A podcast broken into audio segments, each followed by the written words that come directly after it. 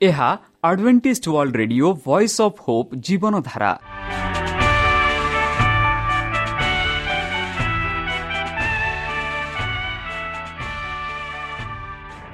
Odia radio କାର୍ଯ୍ୟକ୍ରମ ଯାହା ଆମର ଆନ୍ତର୍ଜାତୀୟ ଆଘାତ କେନ୍ଦ୍ରରୁ ପ୍ରସାରଣ କରାଯାଉଛି ପ୍ରତିଦିନ ରାତି ନଅଟା ତିରିଶ ମିନିଟ୍ରେ। ମୁଁ ସୁବ୍ରତ କୁମାର ପତି ପ୍ରେମର ସହ ଆପଣମାନଙ୍କୁ ଏହି କାର୍ଯ୍ୟକ୍ରମକୁ ସ୍ୱାଗତ କରୁଅଛି। ଚାଲନ୍ତୁ ଆଜିର ତିରିଶ ମିନିଟ୍ର କାର୍ଯ୍ୟକ୍ରମ ବିଷୟରେ ଜାଣିନେବା। ପ୍ରଥମେ ରଖିଛୁ ଆଧ୍ୟାତ୍ମିକ ଭକ୍ତିମୟ ଗୀତ। ଏହାପରେ ଶୁଣିବା ସ୍ୱାସ୍ଥ୍ୟ ବିଷୟରେ ଯାହା ଆମର ଦୈନିକ ଜୀବନରେ ଅତ୍ୟନ୍ତ ଜରୁରୀ। ଆଉ ପରିଶେଷରେ ଶୁଣିବା ପରମେଶ୍ୱରଙ୍କ ଭକ୍ତଙ୍କଠାରୁ ଜୀବନଦାୟକ ଈଶ୍ୱରଙ୍କ ବାକ୍ୟ। ପ୍ରିୟ ଶ୍ରୋତା ତାହେଲେ ଚାଲନ୍ତୁ ଶୁଣିବା ଏକ ଆଧ୍ୟାତ୍ମିକ ଭକ୍ତିମୟ ଗୀତ।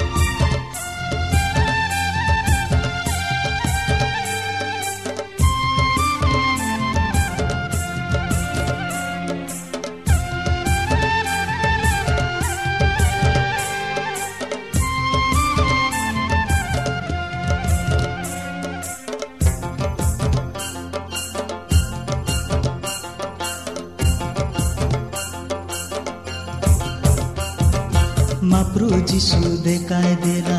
सरगर बाटो हो सरगर बाटो हो माप्रु जिसु देखाइदिएला माप्रु जिसु देला? सरगर बाटो हो सरगर बाटो हो माप्रु जिसु देला?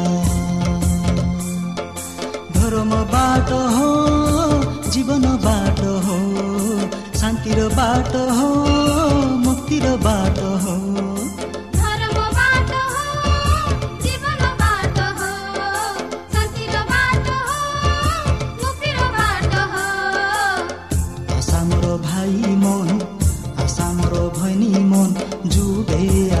সে ভাটে আসামর ভাই মন আসামর ভাইনি মন জুবে আলে সে বাটে।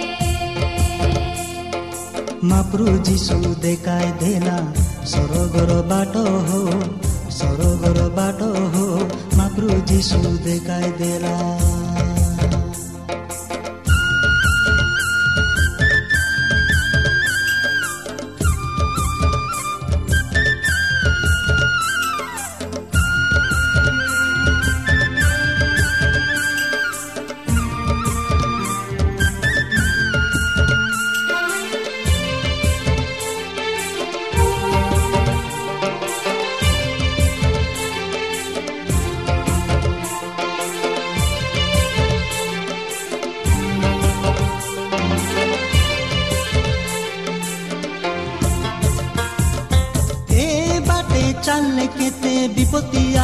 আইতে রেসি এ বাটে চাললে কেতে বিপত্তি আইতে রেসি এ বাটে হিঁড়লে কেতে জঞ্জালো আইতে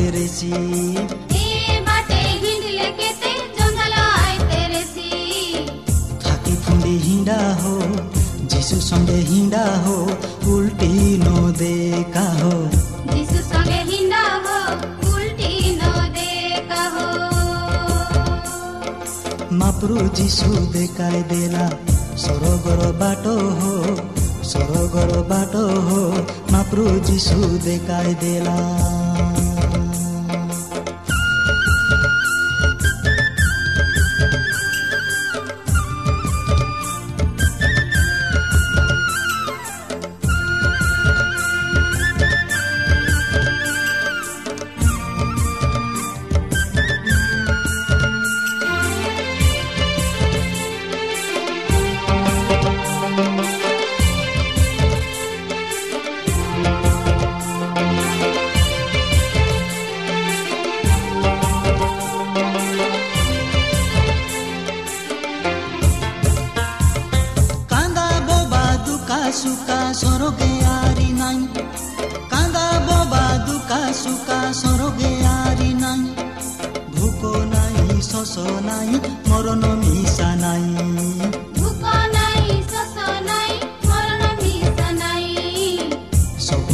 ସୁଖ ହୋ ନାଇଁ ଆରି ଦୁଃଖ ହୋ ରହିବୁ ଯିଶୁ ସଙ୍ଗେ।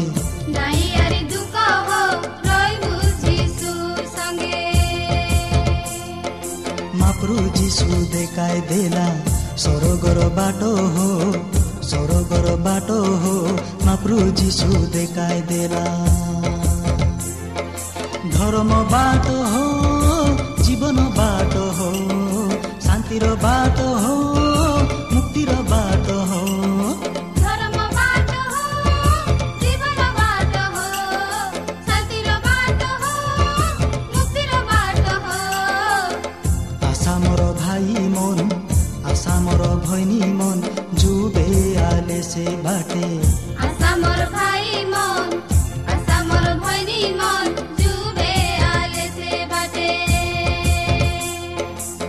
ପ୍ରଭୁ ଯୀଶୁ ଦେଖାଇ ଦେଲା ସ୍ୱର୍ଗର ବାଟ ହୋ ସ୍ୱର୍ଗର ବାଟ ହୋ ମାପ୍ରୁ ଯୀଶୁ ଦେଖାଇ ଦେଲା।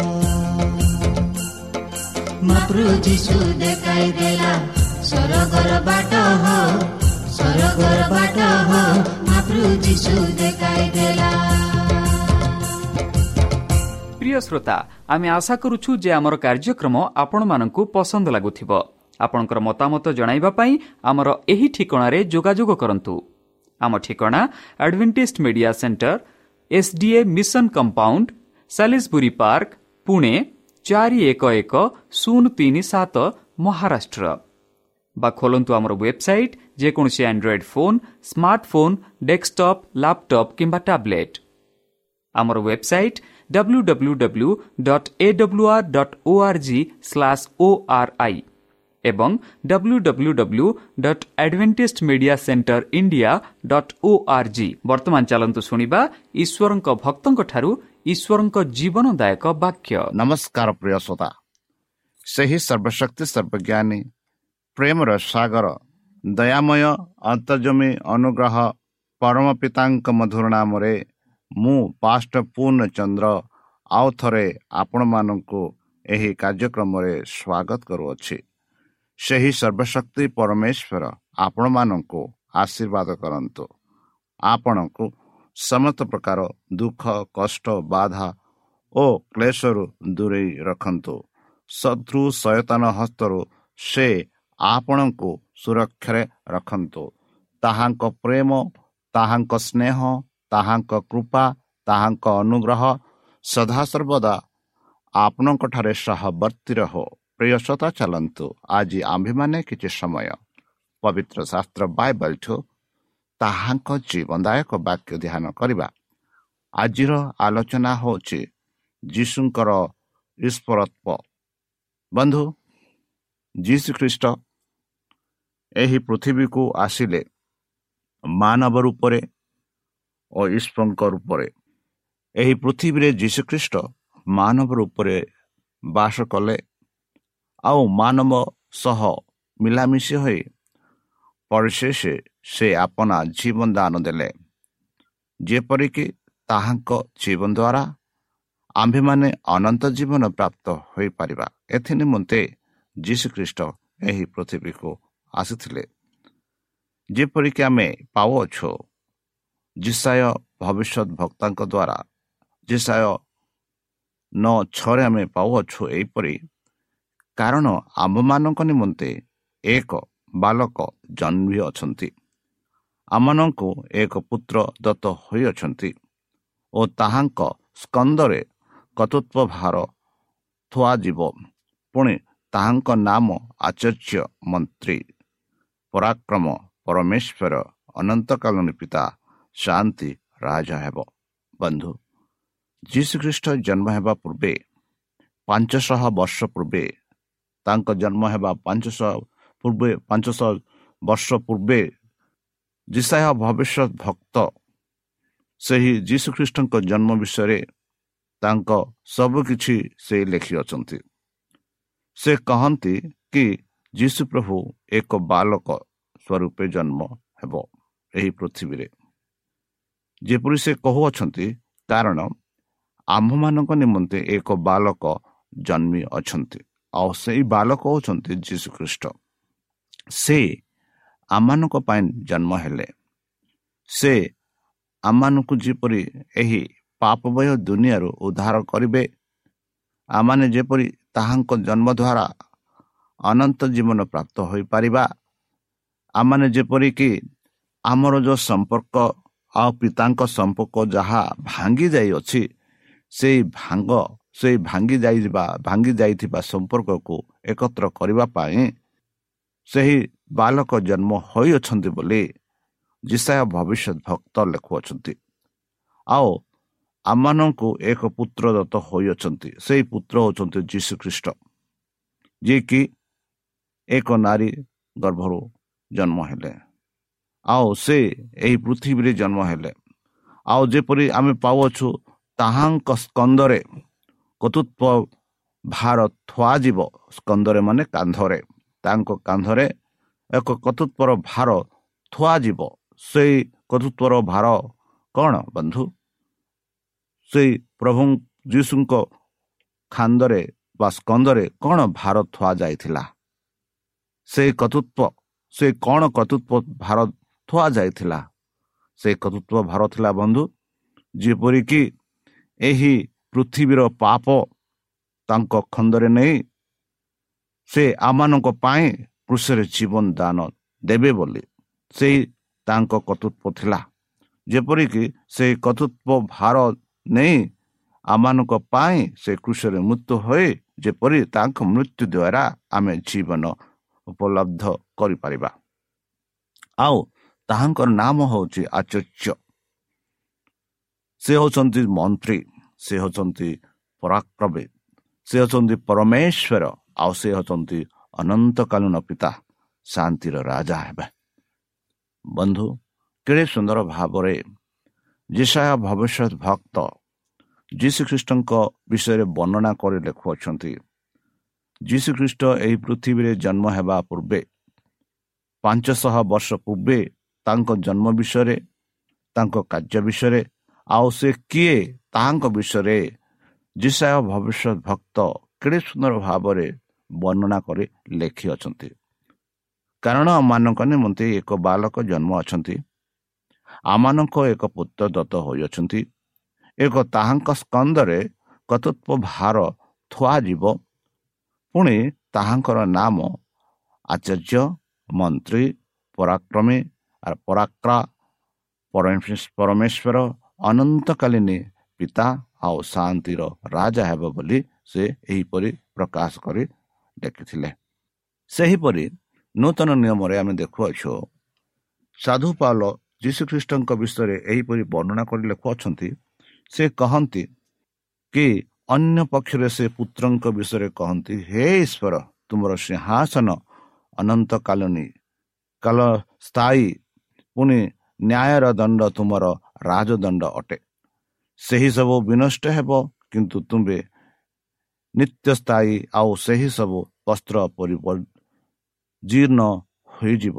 ବନ୍ଧୁ କେଡ଼େ ସୁନ୍ଦର ଭାବରେ ଯୀଶୁଖ୍ରୀଷ୍ଟଙ୍କ ଈଶ୍ୱରତ୍ଵ ବିଷୟରେ ବର୍ଣ୍ଣନା କରି ଆମେ ଦେଖିଲୁ କିପରି ଯୀଶୁଖ୍ରୀଷ୍ଟଙ୍କ ବର୍ଣ୍ଣନା କରି ଯୀଶୁଖ୍ରୀଷ୍ଟଙ୍କ ଦେବତ୍ଵ ଈଶ୍ୱରତ୍ଵ ବର୍ଣ୍ଣନା କରି ଯିଶା ଭବିଷ୍ୟତ ବକ୍ତାମାନଙ୍କୁ ସ୍ପଷ୍ଟ ରୂପେ କହିଲେ ସେ ହେଉଛନ୍ତି ଆଚାର୍ଯ୍ୟ ମନ୍ତ୍ରୀ ଆଚାର୍ଯ୍ୟ ମନ୍ତ୍ରୀ ପରାକ୍ରା ପରମେଶ୍ୱର ଅନନ୍ତକାଳୀନ ପିତା ଆଉ ସେ ହେଉଛନ୍ତି ରାଜା ଶାନ୍ତିର ରାଜା। ଆଉ ସେହିପରି ଏଠି ସାଧୁ ପାଲ ବି ଯୀଶୁଖ୍ରୀଷ୍ଟଙ୍କ ଈଶ୍ୱରତ୍ଵ ବିଷୟରେ ବର୍ଣ୍ଣନା କରି ଲେଖନ୍ତି ସେ ହେଉଛନ୍ତି ଅନନ୍ତକାଳ ସ୍ଥାୟୀ। ସେ ହେଉଛନ୍ତି ନ୍ୟାୟର ଦଣ୍ଡ ତୁମର ରାଜଦଣ୍ଡ ଅଟେ। ପ୍ରଭୁଙ୍କର ରାଜଦଣ୍ଡ ହେଉଛନ୍ତି ନ୍ୟାୟର ରାଜଦଣ୍ଡ ସେ ଯୀଶୁଖ୍ରୀଷ୍ଟଙ୍କର ରାଜଦଣ୍ଡ ହେଉଛି ନ୍ୟାୟର ରାଜଦଣ୍ଡ। ସେହି ସବୁ ବିନଷ୍ଟ ହେବ କିନ୍ତୁ ତୁମେ ନିତ୍ୟ ସ୍ଥାୟୀ ଆଉ ସେହି ସବୁ ବସ୍ତ୍ର ପରି ବର୍ଣ୍ଣ ହୋଇଯିବ। ଯୀଶୁଖ୍ରୀଷ୍ଟ ସଦାସର୍ବଦା ରହିବେ ନିତ୍ୟ ସ୍ଥାୟୀ ତାଙ୍କର। ଏହି ଏତେ ସୁନ୍ଦର ଭାବରେ ସାଧୁ ପାଉଲ ଯୀଶୁଖ୍ରୀଷ୍ଟଙ୍କ ଈଶ୍ୱରତ୍ଵ ବିଷୟରେ ଏମାନଙ୍କୁ ବୁଝେଇ କହୁଅଛନ୍ତି କି ଯୀଶୁ ଖ୍ରୀଷ୍ଟ ହେଉଛନ୍ତି ଆମ ପରମେଶ୍ୱର ଯିଏକି ଶାନ୍ତିର ରାଜା ସେ ହେଉଛନ୍ତି ଶାନ୍ତିର ରାଜା ସେ ହେଉଛନ୍ତି ପ୍ରଭୁଙ୍କର ପ୍ରଭୁ ଆଉ ଏହି ପୃଥିବୀ ତାଙ୍କ ଅଧୀନରେ ଅଛି ଆମେ ସବୁ ତାହାଙ୍କ ଅଧୀନରେ ଅଛି ବୋଲି ଅଛୁ ବୋଲି ଆମେ ଏହି ବାକ୍ୟ ଦ୍ୱାରା ଆମମାନଙ୍କୁ ଜଣାପଡ଼ୁଛେ ସେହିପରି ଜହନ ତାର ଆଠ ଛୟାଳିଶ ଆଉ ଅଠାବନରେ ଯୀଶୁଖ୍ରୀଷ୍ଟ ଏହିପରି କହିଲେ ଯେ ମୋର ଠାରେ ପାପ ଅଛି ବୋଲି ତୁମମାନଙ୍କ ମଧ୍ୟରୁ କିଏ ପ୍ରମାଣ ଦେଇଛନ୍ତି ଦେଉଅଛନ୍ତି ମୁଁ ଯେବେ ସତ୍ୟ କହେ ତେବେ ତୁମମାନେ କାହିଁକି ମୋତେ ବିଶ୍ୱାସ କରୁନାହୁଁ? ଯୀଶୁ ସେମାନଙ୍କୁ କହିଲେ ସତ୍ୟ ସତ୍ୟ ମୁଁ ତୁମମାନଙ୍କୁ କହୁଅଛି। ଅବ୍ରାହ୍ମଙ୍କ ଜନ୍ମ ପୂର୍ବରୁ ମୁଁ ଅଛି। ବନ୍ଧୁ କେଡ଼େ ସୁନ୍ଦର ଭାବରେ ଆପଣ ଈଶ୍ୱରତ୍ଵ ବିଷୟରେ ଯୀଶୁଖ୍ରୀଷ୍ଟ କହିଲେ ଦେଖ ମୁଁ ଆପଣମାନଙ୍କୁ ପ୍ରମାଣ ଦେଉଅଛି। ମୋ ଠାରେ ପାପ ଅଛି ବୋଲି ତୁମମାନଙ୍କ ମଧ୍ୟରୁ କିଏ ପ୍ରମାଣ ଦେଉଅଛ? ଏହିପରି ଯୀଶୁଖ୍ରୀଷ୍ଟ ସେମାନଙ୍କୁ ପ୍ରଶ୍ନ କରି ପଚାରୁଛନ୍ତି। ଆଉ ଯୀଶୁଖ୍ରୀଷ୍ଟ କହନ୍ତି ମୁଁ ଯେବେ ସତ୍ୟ କହେ ତେବେ ତୁମମାନେ କାହିଁକି ମୋତେ ବିଶ୍ୱାସ କରୁନାହଁ? ବନ୍ଧୁ ସେହି ସମୟରେ ଲୋକେ ଥିଲେ ଯେଉଁମାନେ କି ଯୀଶୁଙ୍କ ସହ ତର୍କ ବିତର୍କ କରି ଯୀଶୁଙ୍କ କଥା ବିଶ୍ୱାସ କରୁନଥିଲେ। ଯୀଶୁଙ୍କୁ ସେମାନେ ଅନ୍ୟ ଭାବନାରେ ନେଉଥିଲେ। ଆଉ ସେତେବେଳେ ଯୀଶୁ ସେମାନଙ୍କୁ ଏହିପରି ଜବାବ ଦେଇ କହିଲେ ଦେଖ ତୁମାନେ ସମସ୍ତେ ଭାବ ଯେ ଅବ୍ରାହମ ହେଉଛି ତୁମମାନଙ୍କର ପିତା। ମାତ୍ର ତୁମେ ମନେ ରଖ କି ଅବ୍ରାହମ ଜନ୍ମ ହେବା ପୂର୍ବରୁ ମୁଁ ଅଛି। ମାନେ ବନ୍ଧୁ ଯେପରି କେତେ ଦିନ ଧରି ଆମେ ଦେଖିଲୁ ଏଇ ଯେଉଁ ପୃଥିବୀ କାହାଙ୍କ ଦ୍ୱାରା ସୃଷ୍ଟି ହୋଇଥିଲା ଆମେ ଦେଖୁଅଛୁ ଯେବେ ଏହି ପୃଥିବୀ ସୃଷ୍ଟି ହେଲା ଯେବେ ଏହି ପୃଥିବୀରେ ମଣିଷ ସୃଷ୍ଟି ହେଲେ ଆଉ ଯେବେ ଏହି ପୃଥିବୀରେ ଯାହା ଯାହା ଆମେ ଦେଖୁଅଛୁ ସେହି ସବୁ କାହା ଦ୍ୱାରା ହୋଇଥିଲା? ଆମେ ଦେଖୁଅଛୁ ସେହି ସବୁ ଯୀଶୁଖ୍ରୀଷ୍ଟଙ୍କ ଦ୍ୱାରା ସୃଷ୍ଟି ହୋଇଥିଲା। ଆଉ ସେଥି କାରଣରୁ ଯଦି ଆମେ ଦେଖିବା ଆଦି ତାର ଏକ ଛବିଶ ସତେଇଶରେ ଆମେ ତାକୁ ଦେଖୁଅଛୁ ପରମେଶ୍ୱର ଆପଣା ପୁତ୍ର ଆଉ ଆପଣା ପବିତ୍ର ଆତ୍ମାକୁ କହନ୍ତି ଚାଲ ଆମ୍ଭେମାନେ ଆପଣା ସ୍ୱରୂପେ ଆପଣା ସଦୃଶ୍ୟ ଏକ ମଣିଷକୁ ନିର୍ମାଣ କରିବା ବୋଲି କହିଲେ। ମାନେ ସେତେବେଳେ ଯୀଶୁଖ୍ରୀଷ୍ଟ ଥିଲେ। ଯେବେ ଏହି ପୃଥିବୀ ସୃଷ୍ଟି ହେଲା ଏଥି କାରଣରୁ ଯୀଶୁଖ୍ରୀଷ୍ଟ ସେମାନଙ୍କୁ ବୁଝାଇବା ପାଇଁ ଚେଷ୍ଟା କରୁଛନ୍ତି। ଆଉ ସେମାନଙ୍କୁ କହୁଛନ୍ତି ଦେଖ ତମେ ଭାବୁଛ କି ଅବ୍ରାହମ ମୋଠୁ ବଡ଼? ନୁହଁ ଯେହେତୁ ମୁଁ ଅବ୍ରାହମଙ୍କ ଜନ୍ମ ପୂର୍ବରୁ ଅଛି। ଅବ୍ରାହମ ଜନ୍ମ ପୂର୍ବରୁ ଅଛି। ଆଉ ଏହା ମୁଁ ତୁମମାନଙ୍କୁ ମିଥ୍ୟା କହୁନି। କି ଏହି କଳ୍ପନା ରୂପେ ମୁଁ କହୁନି ଏହା ମୋ ସତ୍ୟ ସତ୍ୟ ତୁମମାନଙ୍କୁ କହୁଅଛି। ବନ୍ଧୁ ଏହା ହେଉଛି ଈଶ୍ୱରଙ୍କର ଯୀଶୁଖ୍ରୀଷ୍ଟଙ୍କର ଦେବତ୍ଵ ଈଶ୍ୱରତ୍ଵ। ଯେପରି ଲୁକ ଏକ ବତିଶି ଆମେ ଦେଖୁ ବନ୍ଧୁ ସେ କହନ୍ତି ସେ ମହାନ ହେବେ ଓ ପରାତ୍ମକ ପୁତ୍ର ବୋଲି ଖ୍ୟାତ ହେବେ। ପ୍ରଭୁ ଈଶ୍ୱର ତାହାଙ୍କୁ ତାହାଙ୍କ ପିତା ଦାଉଦଙ୍କ ସିଂହାସନ ଦାନ କରିବେ। ଦେଖନ୍ତୁ ବନ୍ଧୁ କେଡ଼େ ସୁନ୍ଦର ଭାବରେ ଲୁକ ଲେଖନ୍ତି ସେ ମହାନ ହେବେ। କାହାକୁ ଆମେ ମହାନ କହୁ? ଯିଏମାନେ କି ପବିତ୍ର ଆତ୍ମା ଦ୍ୱାରା ଚାଲିତ ଯେଉଁମାନେ କି ପବିତ୍ର ଆତ୍ମା ମାନେ ଯେଉଁମାନେ କି ପାପରେ କିଛି ନାହାନ୍ତି। ଏଠି ଆମେ ଦେଖୁଛୁ ସେ ମହାନ ହେବ ଓ ପରାତ୍ମକର ପୁତ୍ର ବୋଲି ଖ୍ୟାତ ହେବେ। ଆଉ ପ୍ରଭୁ ଈଶ୍ୱରଙ୍କୁ ଈଶ୍ୱର ତାହାଙ୍କୁ ତାଙ୍କ ପିତା ଦାଉଦଙ୍କ ସିଂହାସନ ଦାନ କରିବେ। କାହାର ବଂଶରେ ସେ ଜନ୍ମ ହୋଇଥିଲେ ବନ୍ଧୁ? ଆମେ ଦେଖୁଅଛୁ କି ସେ ଦାଉଦଙ୍କ ବଂଶରେ ଜନ୍ମ ହୋଇଛନ୍ତି। ଆଉ ଏଥି କାରଣରୁ ଆମେ ଦେଖୁଅଛୁ ସେ ଦାଉଦଙ୍କ ସିଂହାସନ ତାଙ୍କୁ ଦାନ କରିବେ। କାହିଁକି ଏଠି ଦାଉଦଙ୍କ ସିଂହାସନ ବିଷୟରେ ଆମେ ଦେଖୁଅଛୁ କାହିଁକି ପବିତ୍ର ଶାସ୍ତ୍ର ଦାଉଦଙ୍କ ନାମରେ ଘୋଷଣା କରୁଅଛନ୍ତି? ବନ୍ଧୁ ଆମେ ଦେଖୁଅଛୁ ଦାଉଦଙ୍କ ସିଂହାସନ ଯେବେ ଇସ୍ରାଏଲ ପ୍ରଜାମାନେ ମିଶର ଦେଶରୁ କେନେନ୍ ଦେଶକୁ ଆସିଲେ ସେତେବେଳେ ସେତେବେଳେ ସେମାନେ ଆପଣା ଆପଣା ଦେଶ ସ୍ଥାପିତ କଲେ। ଆଉ ସେହି ସ୍ଥାପିତ ସମୟରେ ସେମାନଙ୍କ ମଧ୍ୟରେ ଅନେକ ରାଜାମାନେ ଆସିଲେ। ଯେପରି ଆମେ ଦେଖୁଅଛୁ ସାଉଳ ରାଜା ଥିଲା ପ୍ରଥମ ରାଜା ସେମାନଙ୍କର। ତାପରେ ସାଲଙ୍କ ପରେ ଆମେ ଦେଖୁଛୁ ଦାଉଦ ରାଜା। ଦାଉଦଙ୍କ ରାଜା ସମୟରେ ଚାରି ପାଖରେ ଶାନ୍ତି ଶୃଙ୍ଖଳତା ଥିଲା। ଆଉ ଦାଉଦ ଆଉ ଦାଉଦ ଓ ପରମେଶ୍ୱରଙ୍କ ସମ୍ପର୍କ ଏକ ଘନିଷ୍ଠ ଭାବରେ ଥିଲା। ସେଥିଯୋଗୁଁ ଆମେ ଦେଖୁଅଛୁ କି ଦାଉଦଙ୍କ ଆତ୍ମା ଖ୍ରୀଷ୍ଟଙ୍କ ଆତ୍ମା ପରି ଥିଲା ବୋଲି। ଏଠି ଆମେ ଦେଖୁଛୁ ସେହି ଯେଉଁ ସିଂହାସନ ଯାହା ଦାଉଦଙ୍କ ଦ୍ୱାରା ଶାସନ ହୋଇଥିଲା ସେହି ସିଂହାସନରେ ତାଙ୍କୁ ଦାନ କରିବେ ବୋଲି ଆମେ ଦେଖୁଅଛୁ। ସେ ମହାନ ହେବେ। ଆଉ ଓ ପରାତ୍ମକରଙ୍କ ପୁତ୍ର ବୋଲି ଖ୍ୟାତ ହେବେ। ପ୍ରଭୁ ଈଶ୍ୱର ତାହାଙ୍କୁ ତାହାଙ୍କ ପିତା ଦାଉଦଙ୍କ ସିଂହାସନ ଦାନ କରିବେ ବୋଲି ଆମେ ଦେଖୁଅଛୁ। ବନ୍ଧୁ ସେହିପରି ଈଶ୍ୱରତ୍ଵ ଆମେ ଦେଖୁଅଛୁ। ଥମାଙ୍କ ଦ୍ୱାରା। ଯେବେ ଥମାକୁ କୁହାଗଲା କି ଅନ୍ୟ ଶିଶୁମାନେ କହିଲେ କି ଆମେ ଯୀଶୁ ପ୍ରଭୁଙ୍କୁ ପୁନରୁଦ୍ଧିତ ହେବାର ଦେଖିଅଛୁ। ଆଉ ଯୀଶୁ ପ୍ରଭୁ ଆମ ସହିତ ସାକ୍ଷାତ ହୋଇଥିଲେ। ଆଉ ଥମା କହିଲେ ଯେତେ ପର୍ଯ୍ୟନ୍ତ ମୁଁ ଆପଣା ହସ୍ତ ନେଇ ତାଙ୍କ କ୍ଷତରେ ସ୍ପର୍ଶନ କରିବି ସେତେ ପର୍ଯ୍ୟନ୍ତ ମୁଁ ବିଶ୍ୱାସ କରିବି ନାହିଁ ଥମାସ ଜଣେ ସନ୍ଦେହ ମଣିଷ ଥିଲେ। ସବୁଥିରେ ସେ ସନ୍ଦେହ କରୁଥିଲେ। ଆଉ ସେଇ ସନ୍ଦେହକୁ ଦୂର କରିବା ପାଇଁ ଯେବେ ଥମାସ ଥିଲେ ସେମାନଙ୍କ ମଧ୍ୟରେ ଆଉ ଥରେ ଯୀଶୁଖ୍ରୀଷ୍ଟ ସେମାନଙ୍କ ଠାରେ ଉପସ୍ଥିତ ହେଲେ। ଆଉ ଉପସ୍ଥିତ ହେଲା ପରେ ଯୀଶୁଖ୍ରୀଷ୍ଟ ଥମାସକୁ ଡାକି କହିଲେ ଦେଖ ତମେ ତ ମୋତେ ଛୁଇଁ ସ୍ୱସ୍ଥ କରି ବିଶ୍ୱାସ କରିବାକୁ ଚାହୁଁଅଛ। ତାହେଲେ ଆସ ତୁମ ହାତ ନିଏ ମୋତେ ଛୁଅଁ ଆଉ ସ୍ପର୍ଶ କର ଯେପରି ତୁମେ ମୋତେ ବିଶ୍ୱାସ କରିବ। ଆଉ ଯେବେ ଥମା ଏହିପରି କରିଲେ ସେ ନିଶ୍ଚିତ ଭାବରେ ବିଶ୍ୱାସ କଲେ ଯେପରି ଆମେ ଦେଖୁଛୁ ଜହନ ତାର କୋଡ଼ିଏ ଅଠାଇଶରେ ଥମା ଏହିପରି ଯୀଶୁଖ୍ରୀଷ୍ଟଙ୍କୁ ଉତ୍ତର ଦେଇ କହିଲେ ତାହାଙ୍କୁ ଉତ୍ତର ଦେବେ ଦେଲେ ମହର ପ୍ରଭୁ ମହର ଈଶ୍ୱର। ହଁ ବନ୍ଧୁ ସେହି ଯୀଶୁଖ୍ରୀଷ୍ଟ ହେଉଛନ୍ତି ଆମମାନଙ୍କ ପ୍ରଭୁ। ସେହି ଯୀଶୁଖ୍ରୀଷ୍ଟ ହେଉଛନ୍ତି ଆମମାନଙ୍କ ଈଶ୍ୱର। ଯେପରିକି ଯୀଶୁଖ୍ରୀଷ୍ଟଙ୍କ ଦେବତ୍ୱ ବିଷୟରେ ଆମେ ଆଲୋଚନା କରୁଛେ ଯୀଶୁଖ୍ରୀଷ୍ଟଙ୍କ ଈଶ୍ୱରତ୍ୱ ବିଷୟରେ ଆମେ ଆଲୋଚନା କରୁଛେ। ଆଉ ଏଠି ଆମେ ଥମା ସ୍ୱୀକାର କରି କହୁଛନ୍ତି ମୋହର ପ୍ରଭୁ ମୋହର ଈଶ୍ୱର। ଯେବେ ସେ ନିଜେ ସେଇ ଯେଉଁ ଅନୁଭବ କଲେ ଯେବେ ସେ ଛୁଇଁଲେ ସେ ଦେଖିଲେ ଆଉ ସେ ଅନୁଭବ କଲେ ଆଉ ସେ ସ୍ୱୀକାର କରି କହୁଛନ୍ତି ମୋହର ପ୍ରଭୁ ମୋହର ଈଶ୍ୱର। ବନ୍ଧୁ ବର୍ତ୍ତମାନ ଆମେ ଯୀଶୁଖ୍ରୀଷ୍ଟଙ୍କୁ ଦେଖୁନାହୁଁ।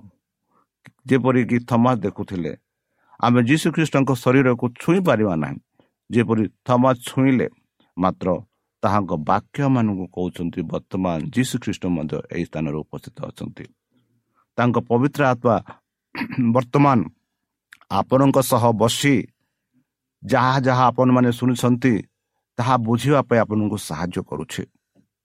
ତାମାନେ ଯଦି ଆମେ ଯେତେ ଲୋକ ଯୀଶୁଖ୍ରୀଷ୍ଟଙ୍କୁ ନ ଦେଖି ବିଶ୍ୱାସ କରୁଛନ୍ତି ସେମାନେ ଧନ୍ୟ ବୋଲି ପବିତ୍ର ଶାସ୍ତ୍ର ବାଇବଲ କହୁଅଛେ। ଯେହେତୁ ତମା ଦେଖି ବିଶ୍ୱାସ କଲେ ଆଉ ସେ ନିଜକୁ ସ୍ୱୀକାର କରି କହିଲେ ମୋହର ପ୍ରଭୁ ମୋହର ଈଶ୍ୱର। ହଁ ବନ୍ଧୁ ସେ ହେଉଛନ୍ତି ଆମମାନଙ୍କ ପ୍ରଭୁ ଆମମାନଙ୍କ ଈଶ୍ୱର। ଚାଲନ୍ତୁ ତାଙ୍କଠାରେ ଆମେ ବିଶ୍ୱାସ କରିବା। ଯେପରି ଜହନ ଅଠର ତାର ଅଠତିରିଶ ଆମେ ଦେଖୁଛୁ ଯେବେ ଯୀଶୁଖ୍ରୀଷ୍ଟଙ୍କୁ ସେହି ପିଲା ତ ତାହାଙ୍କୁ କହିଲେ ସତ୍ୟ କ'ଣ? ପିଲା ତ ତାହାଙ୍କୁ କହିଲେ ସତ୍ୟ କ'ଣ? ଏହା କହି ସେ ପୁଣି ଯୁହୁଦୀମାନଙ୍କ ନିକଟକୁ ବାହାରକୁ ଯାଇ ସେମାନଙ୍କୁ କହିଲେ ଆମ୍ଭେ ଏଠାରେ କୌଣସି ଦୋଷ ପାଉନାହୁଁ। ବନ୍ଧୁ ଯେବେ ସେହି ଯୁହୁଦୀ ନେତାମାନେ ଯୀଶୁଖ୍ରୀଷ୍ଟଙ୍କୁ ସେହି ପିଲାତ ପାଖକୁ ନେଇ ତାଙ୍କ ଦୋଷ ବିଷୟରେ କହିଲେ ଯେବେ ପିଲା ତ ପରୀକ୍ଷା କରି ଦେଖିଲେ ଆଉ କହିଲେ ସେମାନଙ୍କୁ କି ଯୀଶୁଖ୍ରୀଷ୍ଟଙ୍କ ଠାରେ କୌଣସି ଦୋଷ ମୁଁ ପାଇନାହିଁ ବନ୍ଧୁ ଯୀଶୁଖ୍ରୀଷ୍ଟ ଏହି ପୃଥିବୀରେ ବାସ କଲେ ହେଁ କୌଣସି ପାପ କଲେ ନାହିଁ ଯେପରି ଆମେ ପାପ କରୁ। ଆମ ପାପ ଯୋଗୁଁ ସେ କୃଷରେ ହତ ହେଲେ ଯେପରି ତାହାଙ୍କ ମୃତ୍ୟୁ ଦ୍ୱାରା ଆମେ ଅନନ୍ତ ଜୀବନ ପ୍ରାପ୍ତ ହୋଇପାରିବୁ। ବନ୍ଧୁ ମାର୍କ ଏକ ଚବିଶରେ ଆମେ ଦେଖାଉଛୁ ହେ ନାଜରତୀୟ ଯୀଶୁ ତୁମ ସାଙ୍ଗରେ ଆମମାନଙ୍କର କ'ଣ ଅଛି? ତୁମେ କିଏ ଆମମାନଙ୍କୁ ବିନାଶ କରିବାକୁ ଆସିଲ? ତୁମେ କିଏ ତାହା ମୁଁ ଜାଣେ? ତୁମେ ଈଶ୍ୱରଙ୍କ ସେହି ପୁତ୍ର ବ୍ୟକ୍ତି ବନ୍ଧୁ ଯେବେ ଯୀଶୁଖ୍ରୀଷ୍ଟ ସେହି ଗାଲିଲି ସାଗର ପାର ହୋଇ ଆରକୁ ଗଲେ ସେତେବେଳେ ଜଣେ ବ୍ୟକ୍ତି ଯିଏକି ଭୂତ ସହ ପୀଡ଼ିତ ସେହି ଭୂତ ଯେବେ ଭୂତ ସହ ଯେବେ ଯୀଶୁଖ୍ରୀଷ୍ଟ ସାକ୍ଷାତ କଲେ ଆଉ ସେ ସେତେବେଳେ ସେହି ଭୂତ ଏହିପରି କହନ୍ତି ବନ୍ଧୁ କି ହେ ନା ଯୀଶୁ ତୁମ ସାଙ୍ଗରେ ଆମମାନଙ୍କର କ'ଣ ଅଛି? ତୁମେ କି ଆମମାନଙ୍କର ବିନାଶ କରିବାକୁ ଆସିଲ? ତୁମେ କିଏ ତାହା ମୁଁ ଜାଣେ।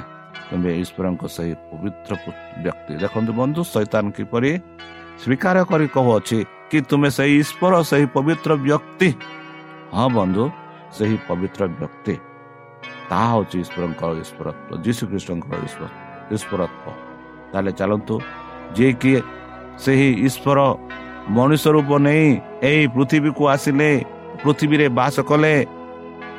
ଆଉ ପୃଥିବୀ ଲୋକଙ୍କ ସହ ମିଳାମିଶି କରି ସେ ସେ ପୃଥିବୀ ବାସୀମାନଙ୍କ ପାଇଁ ଆପଣା ଜୀବନ ଦାନ ଦେଲେ। ଯେପରିକି ଏହି ପୃଥିବୀର ବାସୀମାନେ ତାଙ୍କଠାରେ ବିଶ୍ୱାସ କରି ଯେପରି ପରିତ୍ରାଣ ପାଇବେ। କ'ଣ ଆପଣମାନେ ବିଶ୍ୱାସ କରୁଛନ୍ତି କି? ତାହେଲେ ଚାଲନ୍ତୁ। ସେହି ନଜରୀୟ ଯୀଶୁଙ୍କ ନାମରେ ଆମେ ପ୍ରାର୍ଥନା କରିବା। ହେ ଆମମାନଙ୍କ ସର୍ବଶକ୍ତି ସର୍ବଜ୍ଞାନୀ ପ୍ରେମର ସାଗର ଦୟାମୟ ଅନ୍ତର୍ଜମୀ ଅନୁଗ୍ରହ ପରମ ପିତା ଧନ୍ୟବାଦ ଅର୍ପଣ କରୁଛୁ ପ୍ରଭୁ। ବର୍ତ୍ତମାନ ଯେଉଁ ବାକ୍ୟ ତୁମ ଭକ୍ତମାନଙ୍କୁ ଶୁଣାଇଲେ ସେହି ବାକ୍ୟ ଅନୁସାରେ ଏମାନଙ୍କୁ ଚାଲିବା ପାଇଁ ବୁଦ୍ଧିରେ ଜ୍ଞାନରେ ଶକ୍ତିରେ ପରିପୂର୍ଣ୍ଣ କର। ଆମ ପାପ ସବୁ ତୁମ ସେହି ବହୁମୂଲ୍ୟ ରକ୍ତରେ ପରିଷ୍କାର ରୂପେ ଧରି ଦିଅ ଆଉ ପରିଶେଷ ଯେବେ ତୁମେ ତୁମ ସେହି ସହସ୍ର ଦୂତଙ୍କ ସହ ଆସିବେ ସେତେବେଳେ ଆମମାନଙ୍କୁ ଏକ ବାସସ୍ଥାନ ଦିଅ ବୋଲି ତ୍ରାଣକର୍ତ୍ତା ପ୍ରଭୁ ଯୀଶୁଙ୍କ ମଧୁରମୟ ନାମରେ ଏହି ଛୋଟ ବିଜ୍ଞ ମାଗୁଛି ଗ୍ରହଣ କର ଆମେନ୍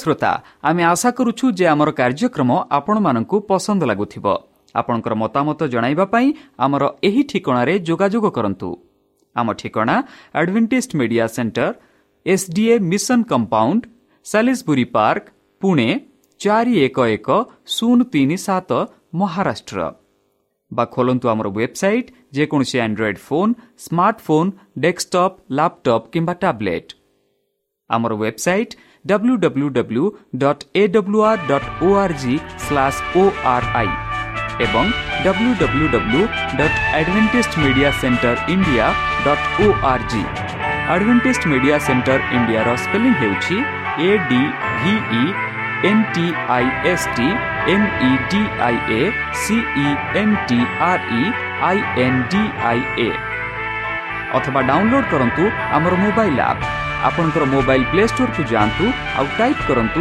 द वॉइस ऑफ होप आउ डाउनलोड करतु ईश्वर आपण को आशीर्वाद करतु धन्यवाद